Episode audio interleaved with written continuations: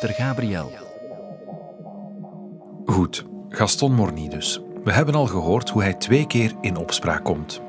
Eerst in de abdij van Grimbergen. Hij moet daar vertrekken omdat hij zijn handen niet kan thuishouden in de school waar hij lesgeeft. Of omdat hij de verkiezing verliest om abt te worden. De verhalen lopen wat uiteen. En dan wordt hij een tweede keer op een zijspoor gezet omdat hij jaren na de verdwijning van zuster Gabriel de hoofdverdachte blijkt te zijn. En op dat zijspoor zijn we hem dus tegengekomen tijdens een straatinterview met de Nederlandse televisie. Wij zouden nog graag eens van u willen horen wat u weet van de verdwijning van zuster Gabriel. Daar weet ik niets van. Ik heb daar niets mee te maken. Ik wil nog even terugkomen op één stukje uit dat interview. De foto die journalist Jaap Jongbloed toont aan Morny, waarop hij te zien is in vrouwenlingerie. Het is een van de eerste foto's die je te zien krijgt als je wat over de zaak gaat googlen. En verschillende mensen die ik heb geïnterviewd begonnen ook spontaan over die foto. En met foto's van Morny in uh, vrouwenkledij enzovoorts. In die periode zijn dan ook die foto's uitgekomen hè, van Morny. Dat zijn ook de zaken die dan in de media kwamen met ook de bijhorende foto's.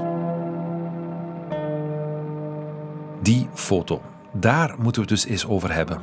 Want ik merk dat veel mensen hem beschouwen als het bewijs dat Morny deelnam aan seksvuiven of orgieën. Waarom zou hij anders poseren in vrouwenlingerie? Hoe kan nou iemand directeur van een klooster blijven wanneer men zich van dit soort uh, ja, toestanden ophoudt? En... Alleen klopt dat niet. De foto komt uit Actueel. Dat is een Nederlands tijdschrift dat in die tijd geleid werd door de bekende, intussen vermoorde misdaadjournalist Peter R. de Vries. In oktober 1991 heeft Actueel veel aandacht voor de verdwijning van zuster Gabriel. Ik heb een exemplaar hier voor mij liggen. Op de cover staat een foto van Morny in een groene vrouwenbody met daarboven de woorden de perverse priester. Binnen in het tijdschrift staat een uitgebreid artikel over de zaak, getiteld De duivel en de non. En daarbij staan nog meer foto's van Morny in onderhemdje en onderbroek. En volgens wat de priester daar zelf over zegt, zijn die foto's een trucage van een zekere. Dat is Dit soort foto's wel een trucage geweest van uh, een zekere, ja. Die zekere die geen naam krijgt, daarvan weet ik wie het is. Goedemorgen, mevrouw, stoor ik u? Morny heeft het over zijn vriend Jos, die samen met zijn pleegouders bij Morny inwoonde. Die pleegouders zijn er niet meer, maar ik heb contact opgenomen met de pleegzussen van Jos. Maar spijtig genoeg is er niemand van hen die nog over de zaak wil spreken. Sava, goeiedag nog, hè. En toch wil ik het eens hebben over Jos en zijn familie. En ook over de familie van Gaston Morny. En over hoe het verder met hem is gegaan nadat hij uit Dendermonde is vertrokken.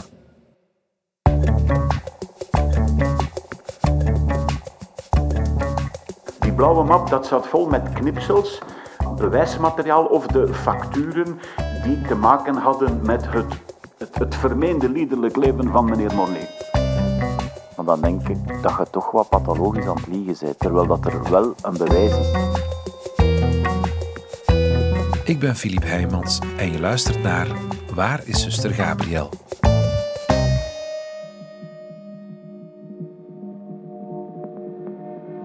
Dat er bij Gaston Morny in zijn pastorie een gezin inwoonde, dat is toch wel erg opvallend. De zusters hadden het er ook al over in een van de vorige afleveringen. Een zekere Jos, een aangenomen zoon. En die speelde dan wel zijn chauffeur, hè? Ja, ja, ja. Na de verdwijning van zuster Gabriel komt er dus een gezin inwonen bij Morny. Een ouder koppel met hun pleegzoon Jos. Jos was een kapper die even oud was als Morny, achteraan in de 40 dus op dat ogenblik. Jos wordt ook de nieuwe chauffeur van Morny. Maar niet alleen de chauffeur. Want Jos en Morny hadden een relatie. En daarom woonde hij met zijn pleegouders bij de priester-directeur. Maar ergens moet het misgegaan zijn. Want in een interview met diezelfde Jaap Jongbloed vertelt Jos ook dat hij vanaf 1990 een tipgever was voor de politie terwijl hij nog met Morny samenwoonde. Mark Bokstalen dat mij vroeg voor er nog te blijven en zoveel mogelijk informatie door te spelen naar hem in verband met uh, moord of verdwijning op zuster Gabriel. En ik alle foto's gemaakt, ook van spermaplekken in de wc's, boven op de kamers en zo allemaal. Jos die in opdracht van de politie foto's maakt van spermavlekken in de woning van Morny. En die later ook toegeeft dat hij die foto's van Morny in vrouwenondergoed heeft verspreid. Dat is wat Morny tegenover Jaap Jongbloed bedoelde met die foto's zijn een trucage van een zekere... Die zekere, daar bedoelde hij ongetwijfeld Jos mee. Ik had heel graag met hem gesproken, maar helaas, ook Jos is al overleden in 2018.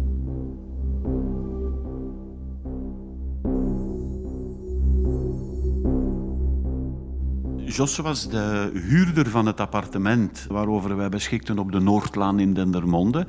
Maar Jos is in dat appartement overleden na een kort ziekenhuisverblijf in mei 2018. Zijn laatste jaren heeft hij niet bij Morny doorgebracht, maar in een appartement in Dendermonde. In 2013 wordt dat appartement gekocht door Jo de Bok. De makelaar waarschuwt de Bok wel dat er een heel bizarre huurder in het appartement woont. Jo gaat kijken. Hij merkt dat het huis vol staat met heilige beelden en andere religieuze afbeeldingen. Anderzijds, zowel in zijn slaapkamer als in de kleine kamer was dat afgedekt met aluminiumfolie. En het ene was om zijn bovenbuur, die hem met een scan in het oog hield, af te sluiten. En het aluminiumfolie aan de grote raam in zijn tweede kamer was omdat hij het gevoel had dat hij werd bespied door ufo's. Wierook in huis, veel heilige beelden, grote paternosters maken in combinatie met uh, die aluminiumfolie en het verhaal er rond dat dat inderdaad in eerste opzicht voor ons een bizar man was, maar een rustig man, een kalm man. Uh, bijna aimabel. Na een tijdje beseft huisbaas Jo dat Jos de ex-vriend is van pastoor Morny.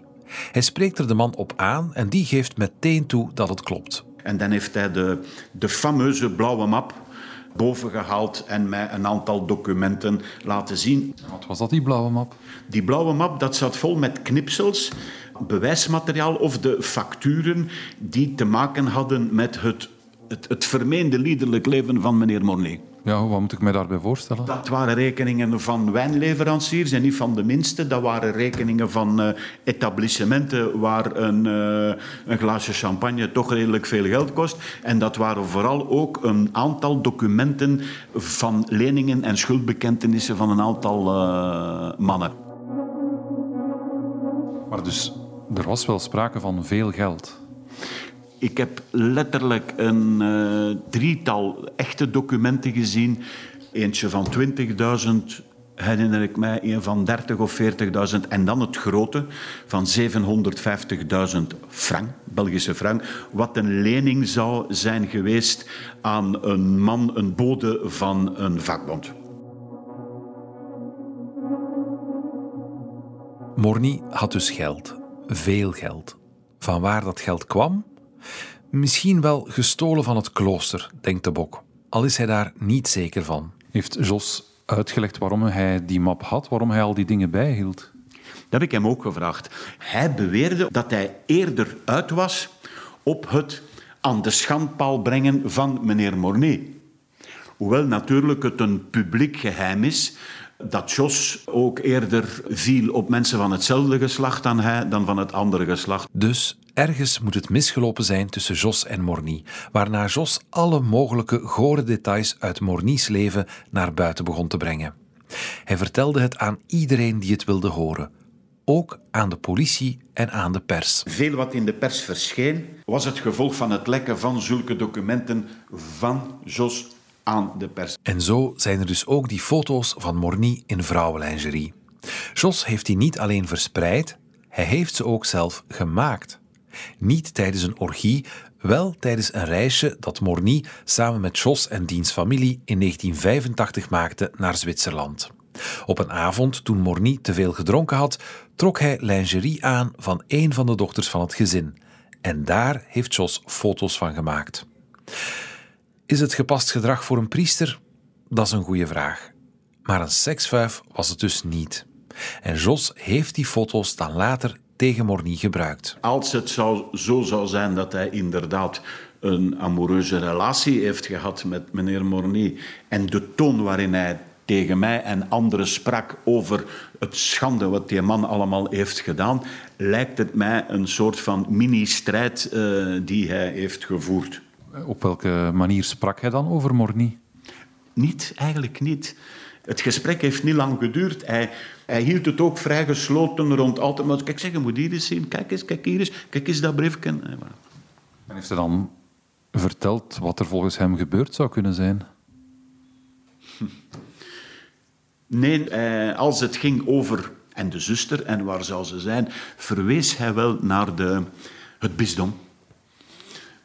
Het bisdom als toch nog een hogere kracht boven dat voorval met Mornay.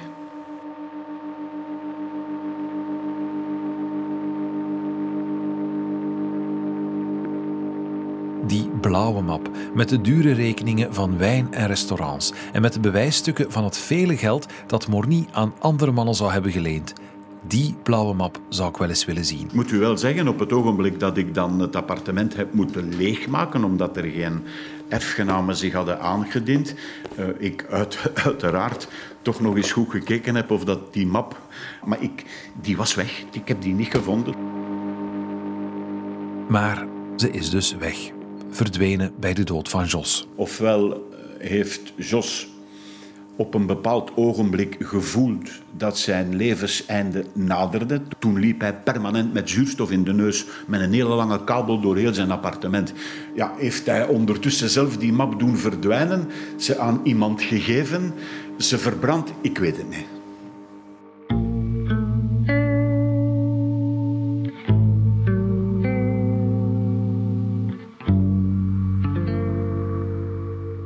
En nu heb ik het lang genoeg uitgesteld.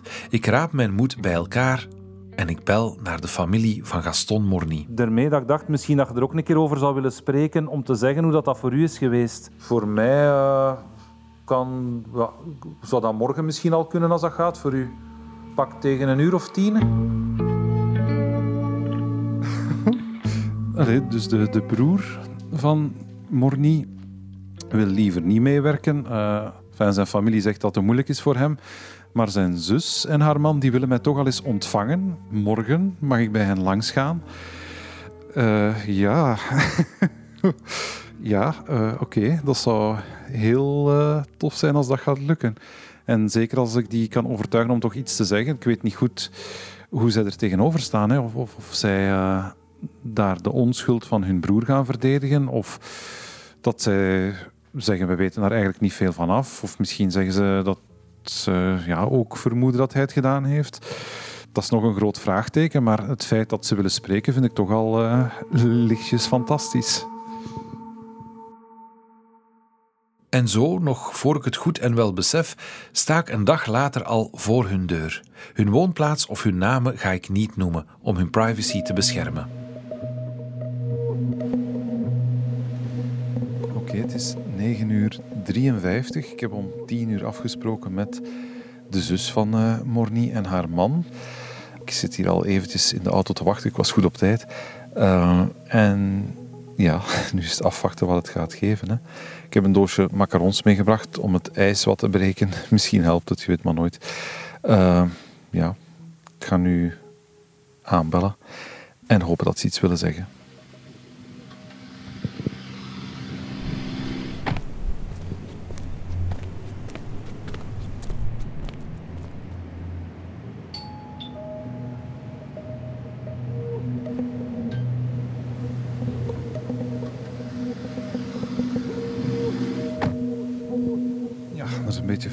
Want ze zijn hier met een hoogtewerker aan het werken.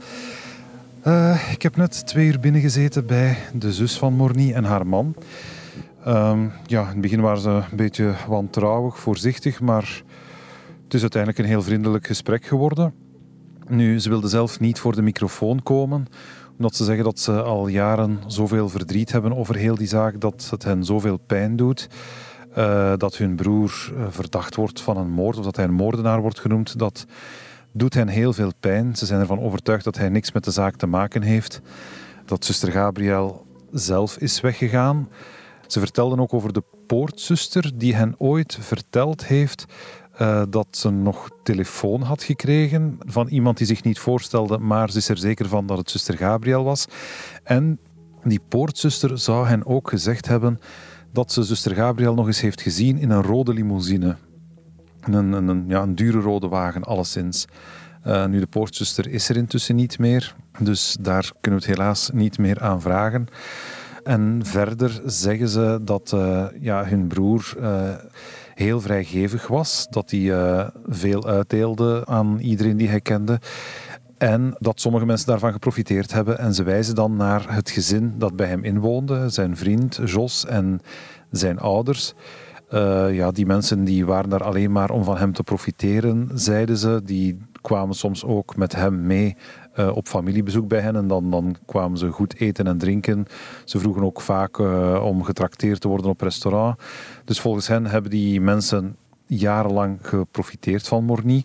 En toen hij daar een einde aan heeft gemaakt, toen hij hen uh, heeft gevraagd om te vertrekken, toen zijn ze hem beginnen zwart te maken, zijn ze zijn reputatie beginnen te besmeuren en zijn ze het verhaal beginnen te verspreiden dat hij iets te maken had met uh, de verdwijning van zuster Gabriel. Maar dat klopt dus helemaal niet volgens hen.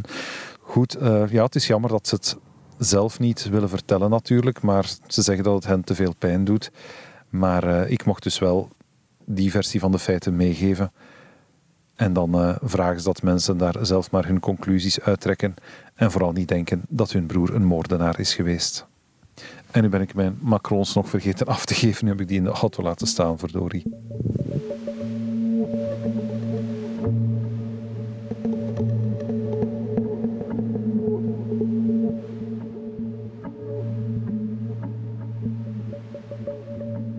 Zou het kunnen?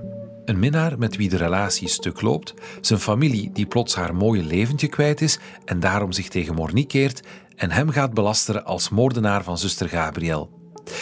Dat er een conflict was tussen Jos en Morny, dat lijkt me wel duidelijk.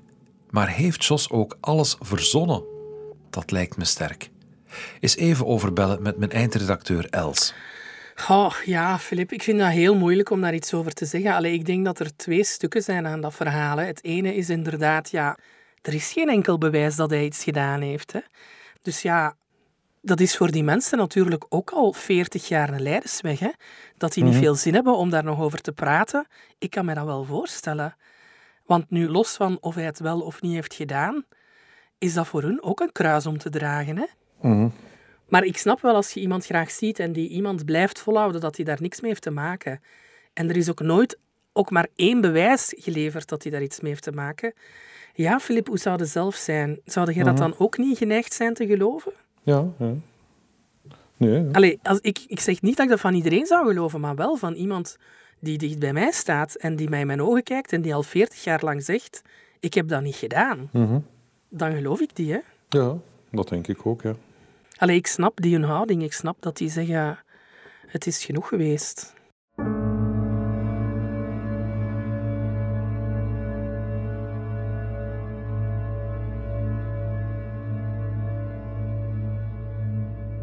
En Morny's leven, dat kabbelt intussen wat voort. Hij blijft in relatieve anonimiteit in Gent wonen. Ook het bisdom Gent weet niet goed wat het met hem aan moet. Dat geeft kanselier Ludo Collin toe. We moesten er ergens mee naartoe, liefst weg uit Dendermonde, in de anonimiteit in Gent, op de coupure, ja. En geregeld wordt Morny opgenomen in een ziekenhuis, vaak met psychische problemen. Het enige wat ik weet is dat die man wel psychisch kapot was. Hè? Allee, onafgezien van zijn liederlijk leven. Maar stel dat hij met de verdwijning van die zuster niks te maken heeft. Als je dan zo zwaar aangepakt wordt, ja, ik denk dat je al heel sterk moet zijn om, om daar niet kapot aan te gaan. Hè? Allee. En goed, eh, iemand in een psychiatrie opnemen, dat gebeurt ook zomaar niet op vraag van bisdom. Hè. Daar zal wel een medisch dossier van zijn. Het leek wel oprecht zijn, zijn psychische problemen. Maar ik denk dat dat een combinatie moet geweest zijn van psychische problemen en, en, en van ja, een verstoorde persoonlijkheid. En, en van, van ja, die man, die man was gebroken, denk ik. Hè.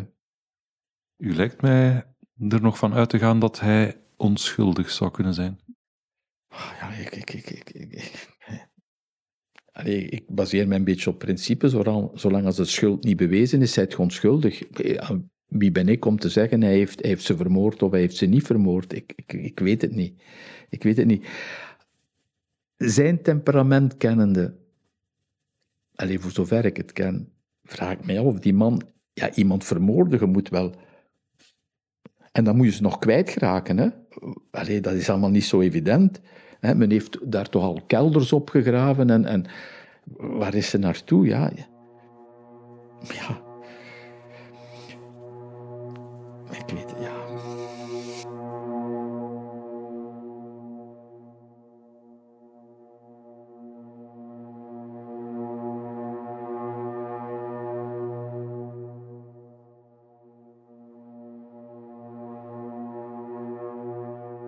Er zijn trouwens nog wel meer mensen die in Mornies onschuld blijven geloven. Zuster Godelieve bijvoorbeeld. Ze blijft hem bezoeken en telefoneren op zijn kamer in Gent. Ze stuurt hem alles samen 67 brieven, waaruit blijkt dat ze hem onvoorwaardelijk blijft steunen. Wil dat zeggen dat ze iets met de zaak te maken heeft? Eerlijk gezegd denk ik het niet. Volgens mij is ze hem blijven zien als haar pastoor, die niet tot kwaad in staat was. Ze is hem langer dan veel andere zusters op handen blijven dragen. En dat verklaart wellicht ook waarom ze het achterste van haar tong niet wilde laten zien. Omdat ze nog altijd in hem gelooft, of omdat ze pas veel later is gaan beseffen dat haar vertrouwen onterecht was. Ik ben haar haast niet geweest. Ik ben hier haast niet geweest. Dus jullie zijn ook niet tegenover hem dan gezet of zo om... om... Nee, absoluut niet. Nee. Want Morny houdt zich ook in Gent niet koest. Volgens verschillende getuigen houdt hij daar een actief seksleven op na, onder andere in parken. En in 2001, tien jaar nadat hij in Dendermonde is vertrokken, komt hij opnieuw met het gerecht in aanraking. In de gang van een ziekenhuis in Gent betast hij een jongetje van zes dat daar toevallig in de buurt is. Maar omdat hij psychische problemen heeft, wordt Morny niet veroordeeld, maar geïnterneerd. Dat wil zeggen dat hij zich gedwongen moet laten behandelen. Dat weet ik niet meer juist wat de juridische situatie exact was, maar ik weet dat hij daar in een min of meer gesloten instelling zat bij de Broeders van Liefde in Zelzaten. Morny belandt inderdaad in een instelling van de Broeders van Liefde in Zelzaten, het psychiatrisch ziekenhuis Sint-Jan Baptist. Dat is op dat ogenblik een van de drie forensische psychiatrische ziekenhuizen waar geïnterneerden naartoe kunnen worden gebracht in Vlaanderen. Maar het is dus ook een instelling uit de katholieke zuil. Ja, daar begon het al ons verhaal, dat we het niet goed weten. Ja, is die daar inderdaad geplaatst geweest om die feiten? Of is die daar terechtgekomen door tanta boven zijn hoofd werd gehouden als pater zijnde? Ja, we weten alleen dat hij bij ons is gedropt en veel anderen die kwamen dan rechtstreeks van, uh, van de politie en die kwamen dan also met, met cipiers, ik weet niet, naar daar uh, gebracht. Maar Gaston die, die is er gewoon opeens gebracht. En door wie, ja, ik kan dat ook niet meer juist zeggen door wie, zijn, maar dat was zeker niet door, door de politie of, of door... Ja.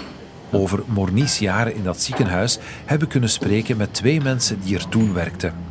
Via via ben ik met hen in contact gekomen. En eigenlijk mogen ze niet met mij spreken. Ze hebben nu eenmaal hun beroepsgeheim, ook al is Morny intussen al overleden. Daarom hebben ze mij gevraagd om hun antwoorden opnieuw te laten inlezen door acteurs. Het zijn dus wel hun letterlijke woorden, maar niet hun stemmen die je hoort. En zij herinneren zich dus dat Morny er niet aankwam als een gewone patiënt. Hij kwam niet uit de gevangenis zoals de meeste geïnterneerden. Hij werd niet door de politie gebracht. Plots was hij er. De manier waarop dat hij bij ons is eh, binnengekomen is een vraagteken. Hoe dat hij in het ziekenhuis is gekomen. Op de opname is hij ook maar zeer kort geweest. Terwijl dat de anderen daar toch 10 à 14 weken moeten zijn, is dat bij hem maar een paar weken geweest. Morny doorloopt niet het normale parcours. Een geïnterneerde in Zelzaten moet normaal gezien eerst een maand of drie een intakeparcours volgen om te bepalen wie hij of zij is en welke behandeling het beste zal werken om de psychische problemen te verbeteren.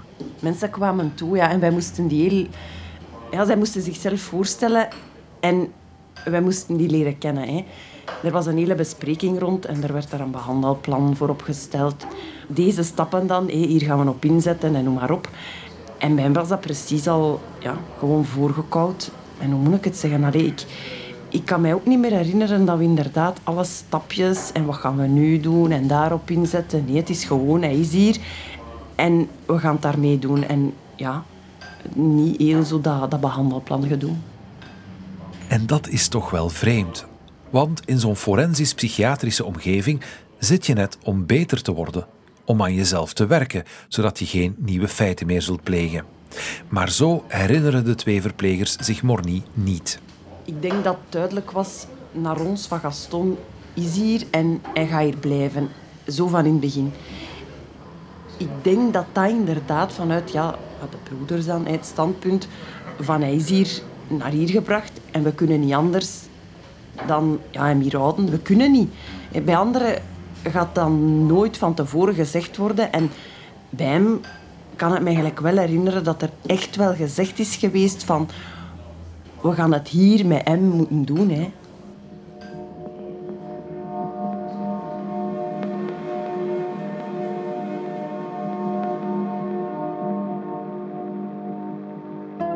Wat dat allemaal nog opmerkelijker maakt, is dat zeker in die periode de plaatsen voor geïnterneerden heel schaars waren. In Vlaanderen konden ze dus maar op drie plaatsen terecht, waardoor er meer dan duizend geïnterneerden onterecht in de gevangenis moesten blijven, in afwachting van een plaatje dat ergens vrijkwam. Ons land is daar verschillende keren voor veroordeeld door het Europees Hof voor de Rechten van de Mens en ook vandaag bestaat het probleem nog. Maar voor Morny was er blijkbaar meteen een plaats bij de Broeders van Liefde. Je moest gemotiveerd zijn, je moest tonen dat je vooruit wou gaan en dat je iets wou doen aan je probleem. Al dan niet met, met heel veel introspectie over jezelf. En bij hem is dat nooit... Allee, ja, hij heeft nooit naar mijn aanvoelen, en ik denk ook, ook van u, Nee, nee, bij ons moesten ze zelf de vraag stellen om te mogen komen. Hè. Moesten ze zelf een aanvraag doen. Ja, een brief schrijven. Ja, moesten ze een brief schrijven. Moesten ze een... Ja, ja is dat bij hem gebeurd? Ik, geen idee, echt. Geen idee. Ik, ik, ik denk dat die beslissing voor hem is genomen geweest. Waarom kreeg Morny zo makkelijk een plaatje in het forensisch ziekenhuis, terwijl anderen daarvoor moesten solliciteren, moesten bewijzen dat ze aan zichzelf wilden werken en dan nog soms jarenlang moesten wachten? Ik heb contact opgenomen met Morny's advocaat uit die periode, maar hij wilde niet over de zaak spreken. Van andere bronnen, en die mag ik helaas niet bij naam noemen, hoor ik wel dat Morny's advocaat zelf met dat voorstel naar de rechtbank zou zijn gekomen. Dat hij dus bij wijze van spreken zelf heeft gezegd: U hoeft mijn cliënt niet naar de gevangenis te sturen, want ik heb hier al de belofte dat hij meteen bij de broeders van liefde in Zelzaten terecht kan. En ja, dan is het voor de rechtbank natuurlijk makkelijk om dat aanbod aan te nemen. Ja, eigenlijk in de vergeetput. Ja, ja, ja. Ja, ja, ja en inderdaad, eh, niemand die ook wist dat, dat hij daar was. Hè. Ja. Het begint toch wat op een patroon te lijken.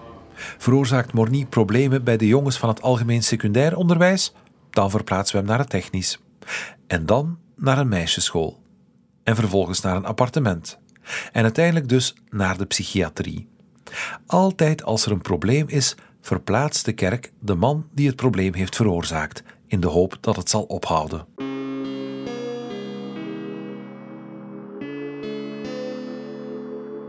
Dat is op een catastrofe uitgedraaid. Voor hem, voor de congregatie en ook voor het bisdom. Kanselier Ludo Collin geeft toe dat het nu, na alle misbruiksschandalen in de kerk, anders zou worden aangepakt. Maar anderzijds weet hij niet of de kerk in dit geval echt meer had kunnen doen. Allee, men is onschuldig zolang tot de feiten bewezen zijn. Dat was een beetje het probleem met Morny. Ja, de gerechtelijke instantie dachten hij, hij is de, de dader of de moordenaar of weet ik wat dan ook. Maar er is nooit iets bewezen. Dus ja, dat was een moeilijke situatie ook voor het bisdom. Hè. Er is een strafbaar feit gebeurd op het ogenblik als hij zich daar vergrepen heeft aan, aan die jongen. Maar voordien, ja. En dat maakt het voor jullie dan ook moeilijk om echt maatregelen te nemen? Maar de maatregelen die, die we konden nemen, die zijn genomen. Hè. Hij is op een zijspoor gezet, hij heeft zijn functie moeten neerleggen. Maar ja, hij moet ergens wonen. Hè. Maar hij heeft geen enkele, geen enkele taak nog gehad. En als kerk was het dan moeilijk om hem volledig te laten vallen, om hem echt zijn priesterschap af te nemen? Ja, maar dat is niet zo evident. Hè. Dan moet hij al strafbare feiten gepleegd hebben. Ja, Nu zou men daar vlugger toe overgaan als daar die zaak geweest is met die knaap in de coupure, dan zou daar vlugger een dossier naar Rome gestuurd zijn. Maar dan duurt dat nog een tijd. Hè?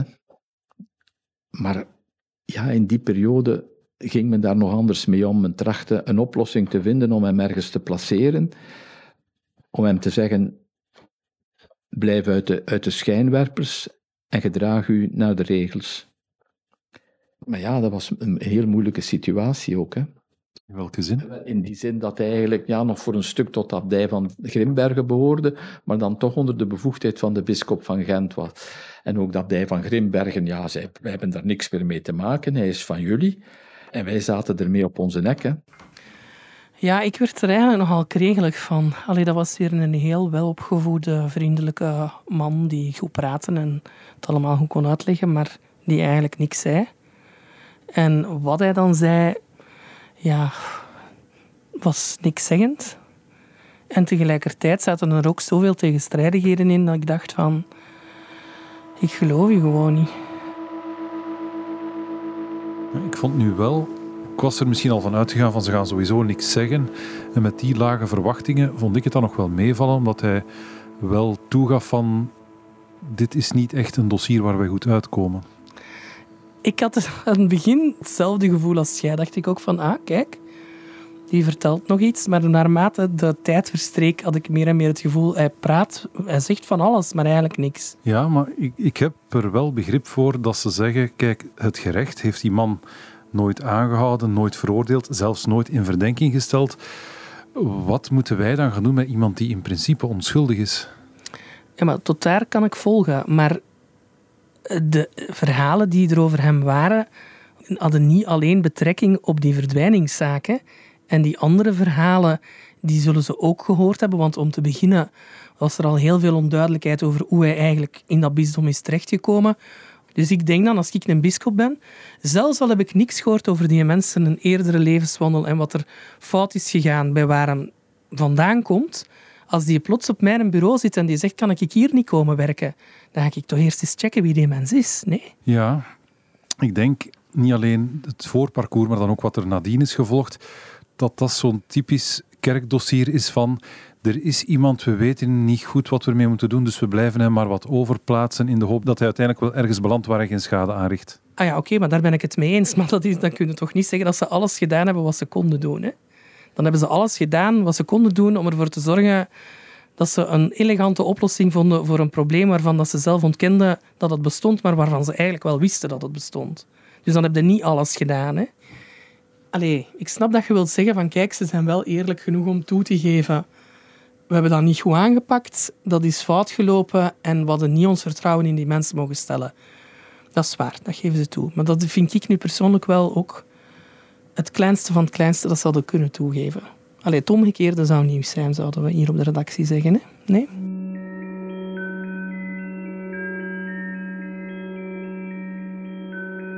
En Gaston Morny, die zit dus in die instelling in Zelzaten. En hij laat er zich niet echt kennen als een gemakkelijke patiënt. Beste voorbeeld, denk ik, dat iedereen die hem daar gekend heeft gaat typeren, is uh, met zijn potje choco daar. Dus ze wisten, ze wisten dat ze aan tafel iets mochten pakken voor, voor het eten, maar ze mochten één of twee potjes choco uh, nemen. En Gaston was, dacht ik, uh, ook diabetes. Met zijn, met zijn diabetes en, en dat mocht hij niet eten. En voor hem was dat precies een sport om dan toch maar die potjes gewoon de choco mee te pakken en die dan onder tafel met zijn lepel... Allez, uh, met, ja, niet met zijn lepel, maar met zijn, met zijn vingers rap te zitten opeten. En dan liggen er daar zo plots drie, vier van die potjes onder, zijn, onder zijn tafel. En ja, dan... Uh, dan zeg, ja, Als je dan naast hem ging staan, van Gaston, ja. allez, wat zijn je aan doen? Oh, niks, niks, niks. Ik weet van niks, ik weet van niks. Ik weet niet, hè. Gaston, er liggen er wel potjes onder de tafel. Hè.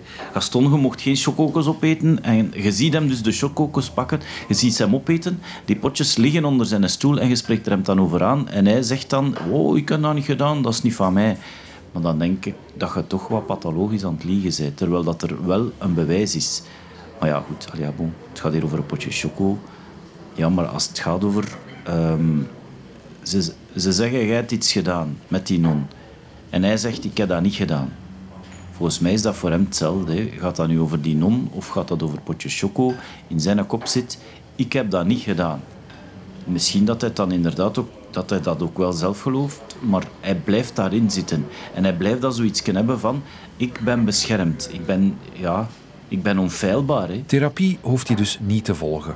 Gewoon zijn tijd uitzitten en zich koest houden. Ik kan mij ook niet voorstellen dat er uh, echt echt bezoek was voor hem. Ik heb toch nooit geweten dat er bij hem ja, een religieuze vriend of iemand anders of uh, allez, familie, kennissen, vrienden. Die zat dikwijls op de afdeling bij dezelfde, ja. ja. Zijn sociale contacten die bestonden uit de aanwezige patiënten eigenlijk um, en het personeel en uh, uh, de krant lezen, dat deed hij. Hij zat altijd aan een, aan een tafel. Ja. En heel veel religieuze teksten had hij ook. Ja. Ja, daar was hij op zijn kamer dan heel veel mee bezig. Weinig bezoek van buiten, maar binnen de muren van de instelling is Morny wel graag gezien. Tenminste bij de andere patiënten. Ja, hij was zo geliefd bij hun. En ze zagen hem ook als monseigneur en, en heiligen. En ja, ze keken ook wel ergens wat op of hoe moet ik het zeggen? Omdat hij hem inderdaad wel profileerde met zijn kostuumvest en met zijn kruis, als de priester. Als, uh, ja. Die hadden compassie met hem, van Gaston, en we moeten voor hem zorgen.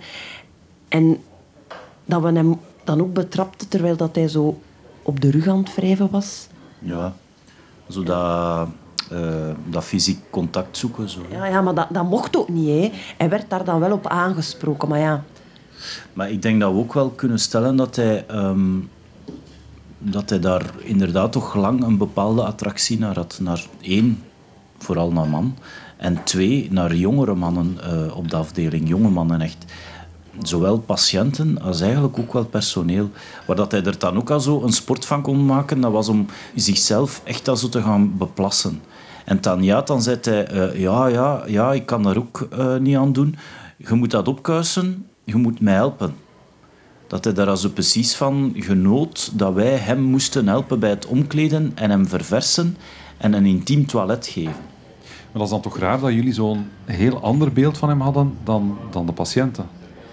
Ja, was, ja, dat was enorm. Hè. Ja, het, is, het is ook gewoon die dagelijkse strijd met hem over altijd diezelfde dingen.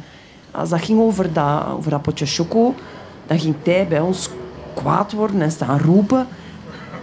En, dan kwam er een andere patiënt binnen en dan was. Oh, ik voel me niet lekker. Ja, ik voel me niet lekker. En dan zag die patiënt medelijden krijgen om, om, omdat zij hoorden. En wij stonden daar dan met twee of drie mensen. En hij lag daar dan zo gezegd, ja, super slecht op die stoel. Terwijl dat hij daar wel een minuut ervoor stond te roepen. Allee, ja, zo dat, hé. Constant, ja. En als het personeel hem wat te veel op de vinger stikt, dan wordt Morny pas echt vervelend. Ja, als hij kwaad werd naar u, ja, dan kon hij echt brullen en briesen. En kon hij ook achter de mensen lopen, hè, als, ik, als ik me niet vergis. Alleen in ieder geval, hij was mondig, hij was mobiel. Hij was al wat dat je wou. En als hij iets misdaan had, hè, en hij werd op matje geroepen, of hij moest naar een time-out, of eender wat, dan, dan plots was... Ja, dan kon je niet meer stappen. Uh, wist hij niet wat er gebeurd was. Gelijk een oud manneke nee, die niets niet meer kon. Dat stelde hem echt in die positie. Het is heel moeilijk om daarover te oordelen, maar als je mij persoonlijk vraagt van... Uh, ja, had die man een psychische problematiek? Ik denk het niet. Ik denk dat dat gewoon zijn persoonlijkheid was en zijn... Ja, een, een, een niet te doorgronde man die ja, een vies kantje had. En die, ja, uh... ja en, en die ergens wel wat geleerd heeft om het, om het uit te spelen. Allee, dat gevoel hadden we gewoon vaak, dat hij, dat hij wist hoe dat hij, hij moest gedragen in welke situatie. Dus dat wel, hè. Maar ja, is dat een psychische problematiek? Ja. Alleen, ja, nee, ja. ja. Morny woont nog tien jaar in de psychiatrische instelling. En op 29 augustus 2011 overlijdt hij hier ook, zonder nog iets over zuster Gabriel gezegd te hebben. In zijn kamer liggen wel heel veel papiertjes, volgekriebeld met boodschappen. Ik heb het niet gedaan. Vergeef me, Heer. Doet hij dat dan omdat hij denkt dat is voor mijzelf en voor dieren en weet ik veel wat? Of doet hij dat omdat hij wil dat dat gelezen wordt en dat hij op die manier ook dat probeert in, in een richting te duwen? Ja, dat is, dat is dus niet duidelijk, hè.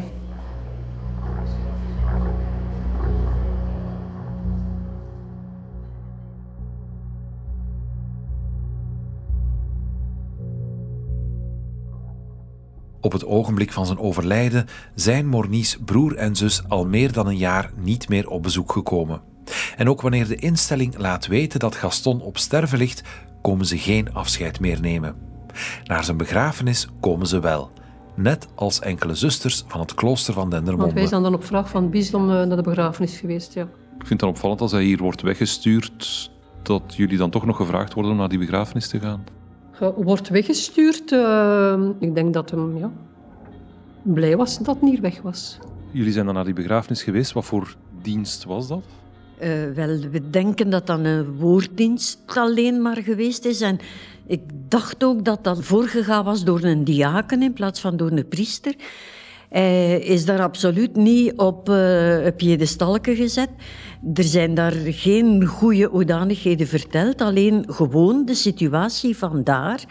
Hoe hij was als uh, psychiatrisch patiënt en dat dan toch niet gemakkelijk geweest was met hem. Over zijn verleden als priester, dat hij daar goede dingen had gedaan of zo? Nee, daar is niet over gesproken. Nee. Ze hebben zich alleen gehouden aan uh, zijn situatie daar. Maar uh, realistisch. En dat was, dat was dan goed. Waren er veel mensen? Patiënten, dachten wij. Nee, niet zoveel volk, geen buitenstaanders en zo. Tenzij zijn zus met, uh, met haar man. Maar ja, we kenden die ook niet, hè. Maar zoveel volk, nee. Dat was eigenlijk zo'n beetje privé.